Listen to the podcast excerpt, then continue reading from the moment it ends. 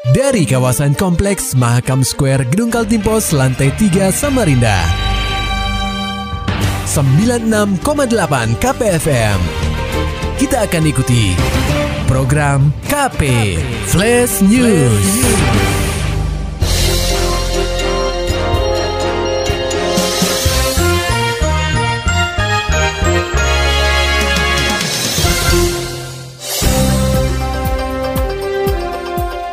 Anda sedang menyimak program KP Flash News bersama saya Agung Pratama.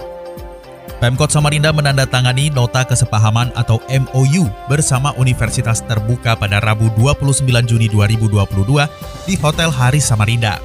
Kerjasama ini akan fokus dalam pengembangan di bidang pendidikan serta penelitian dan pengabdian kepada masyarakat.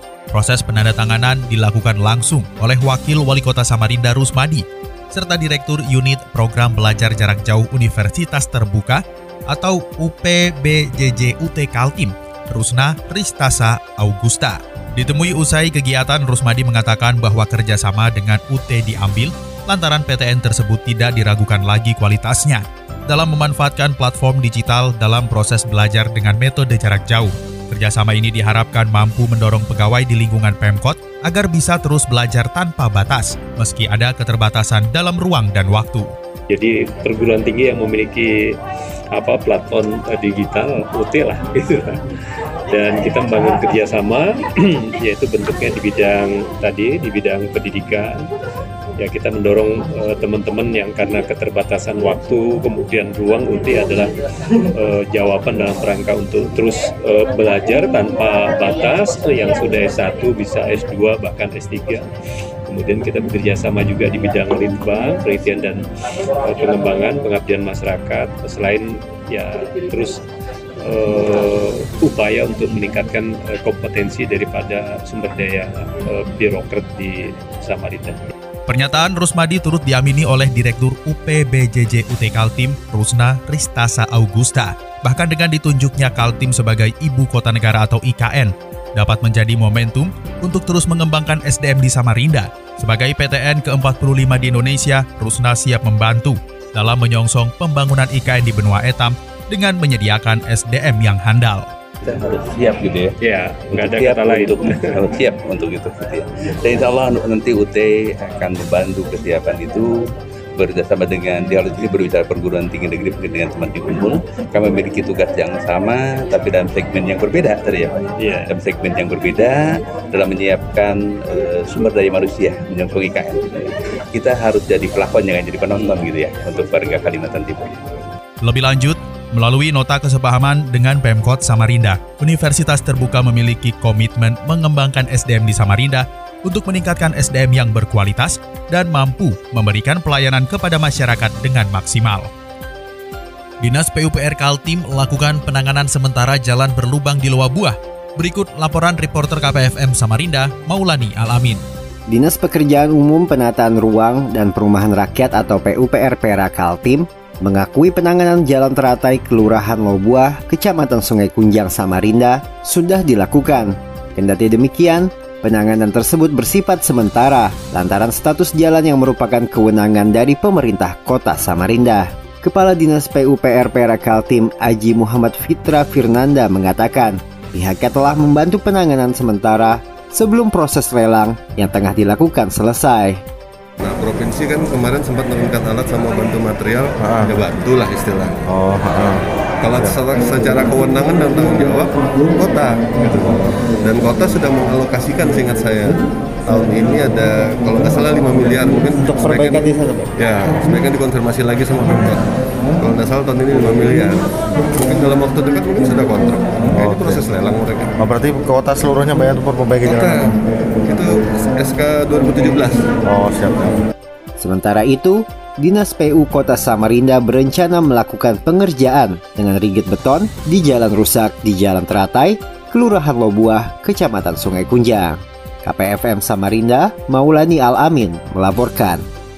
Dari dunia olahraga pendengar KP setelah disahkan beberapa waktu lalu kepengurusan Komite Olahraga Nasional Indonesia atau KONIKAL Team periode 2022-2026 bakal dilantik pada Kamis 30 Juni 2022. Ketua Umum KONI Pusat Legend TNI Purnawirawan Marsiano Norman bersama jajaran pengurus pusat lainnya dikabarkan hadir dalam acara sakral tersebut. Informasi ini disampaikan Wakil Ketua 2 Konikal Tim Muslimin kepada awak media di Samarinda. Pengukuhan organisasi induk olahraga benua etam tersebut akan berlangsung di Hotel Aston, Samarinda. Muslimin mengatakan pihaknya telah menggelar rapat teknis terkait persiapan pelantikan. Kegiatan tersebut juga akan dihadiri perwakilan pengurus cabang olahraga yang menjadi anggota Konikal Team. Rapat teknis persiapan pelantikan, pelantikan karena diinformasikan bahwa Ketua Umum Pak Letnan Jenderal TNI Purnawirawan Marsiano Norman akan hadir bersama unsur pimpinan KONI Pusat dan tentu saja kita akan mengatur bagaimana proses penjemputan mereka dan eh, teknis menyangkut persiapan di lapangan nantinya. Muslimin juga berharap pimpinan tertinggi di Pemprov Kaltim, Gubernur Isranur, dapat hadir untuk memberikan sambutan dan arahan kepada anggota KONI Kaltim agar terus meningkatkan prestasi olahraga di benua etam. Diwartakan sebelumnya, KONI Pusat telah menerbitkan surat keputusan kepengurusan KONI Kaltim masa kerja 2022-2026. Struktur kepengurusan KONI Kaltim di bawah kepemimpinan Rusdian Syah Aras tertuang dalam SK bernomor 31 tahun 2022. Berita olahraga lainnya, pendengar KP tumbangkan Rans Nusantara FC 3 gol tanpa balas. Borneo FC genggam tiket 8 besar Piala Presiden. Laporan selengkapnya akan disampaikan reporter KPFM Samarinda, Muhammad Nur Fajar. Rans Nusantara FC harus angkat koper dari helatan Piala Presiden 2022 setelah ditumbangkan oleh Borneo FC Samarinda dengan 3 gol tanpa balas di Stadion Segiri Samarinda pada Selasa 28 Juni 2022. Tiga gol tim berjuluk pesut etam ini tercipta pada babak kedua. Gol pertama tercipta melalui tendangan bebas Mateus Pato di menit 51. Dua gol lainnya diborong oleh Stefano Lillipali melalui titik putih pada menit 65 dan skema serangan balik cepat di menit 86. Mengomentari hasil akhir pertandingan, pelatih Rans Nusantara FC, Rahmat Darmawan mengatakan, sebenarnya skuad asuhannya mampu menguasai pertandingan di babak pertama. Namun pasca cooling break di menit 30, pertandingan praktis dikuasai oleh kubu tuan rumah. Sebenarnya jauh mainan tadi kita praktis mampu untuk uh, mengatur ritme untuk mereka masuk dalam ritme kita. Tapi setelah water break semuanya berubah ya, mulai ada emosi, mulai ada terpancing untuk kita marah. Sehingga memang konsentrasi kita mulai agak sedikit terganggu. Tapi secara keseluruhan kita masih mampu uh, menghandle kondisi itu dengan uh, cukup memang. Yang kedua uh, kita mencoba berubah formasi main dengan tidak lagi main dengan tiga center back tapi dua center back dengan menarik kartu. Tujuan saya untuk kita lebih ofensif lagi. Memang beberapa situasi sukses sudah di tengah tapi memang uh, lawan juga melakukan satu pressure yang ketat dan cukup bagus sehingga uh, mereka mampu melakukan beberapa counter attack membahayakan kita. Di sisi lain, Borneo FC Samarinda melalui pelatih kepala, Milomir Seslia, cukup antusias dengan hasil yang diraih atas Rans Nusantara FC. Menurutnya, pertandingan memang cukup sulit, terutama saat babak pertama. Namun dirinya segera melakukan perubahan dengan memasukkan MC Ran menggantikan Wahyudi Hamisi di babak kedua. Uh, I told you, press conference going hard. And first 30 minutes we didn't play totally wrong.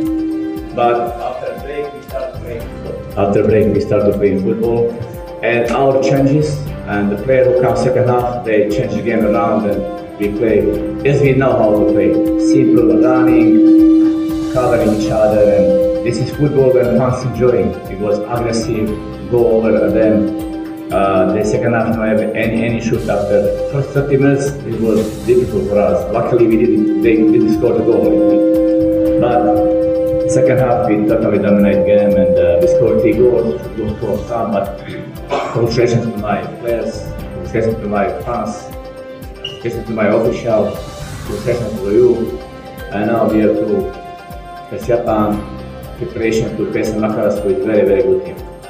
Lebih lanjut, Milo menambahkan bahwa timnya akan segera mengalihkan fokus untuk mempersiapkan diri melawan PSM Makassar pada babak 8 besar Piala Presiden 2022. Borneo FC Samarinda akan didampingi oleh Barito Putra yang berhasil menempati peringkat 2 grup B dan akan bertemu Arema FC. KPFM Samarinda, Muhammad Nur Fajar melaporkan. Maulani Alamin, Muhammad Nur Fajar, KPFM Samarinda. Serta dapatkan berita-berita selengkapnya di www.968kpfm.co.id. Demikian tadi telah kita simak rangkaian berita-berita yang terangkum dalam program KP Flash News. Persembahan dari 96,8 KPFM. Terima kasih dan sampai jumpa.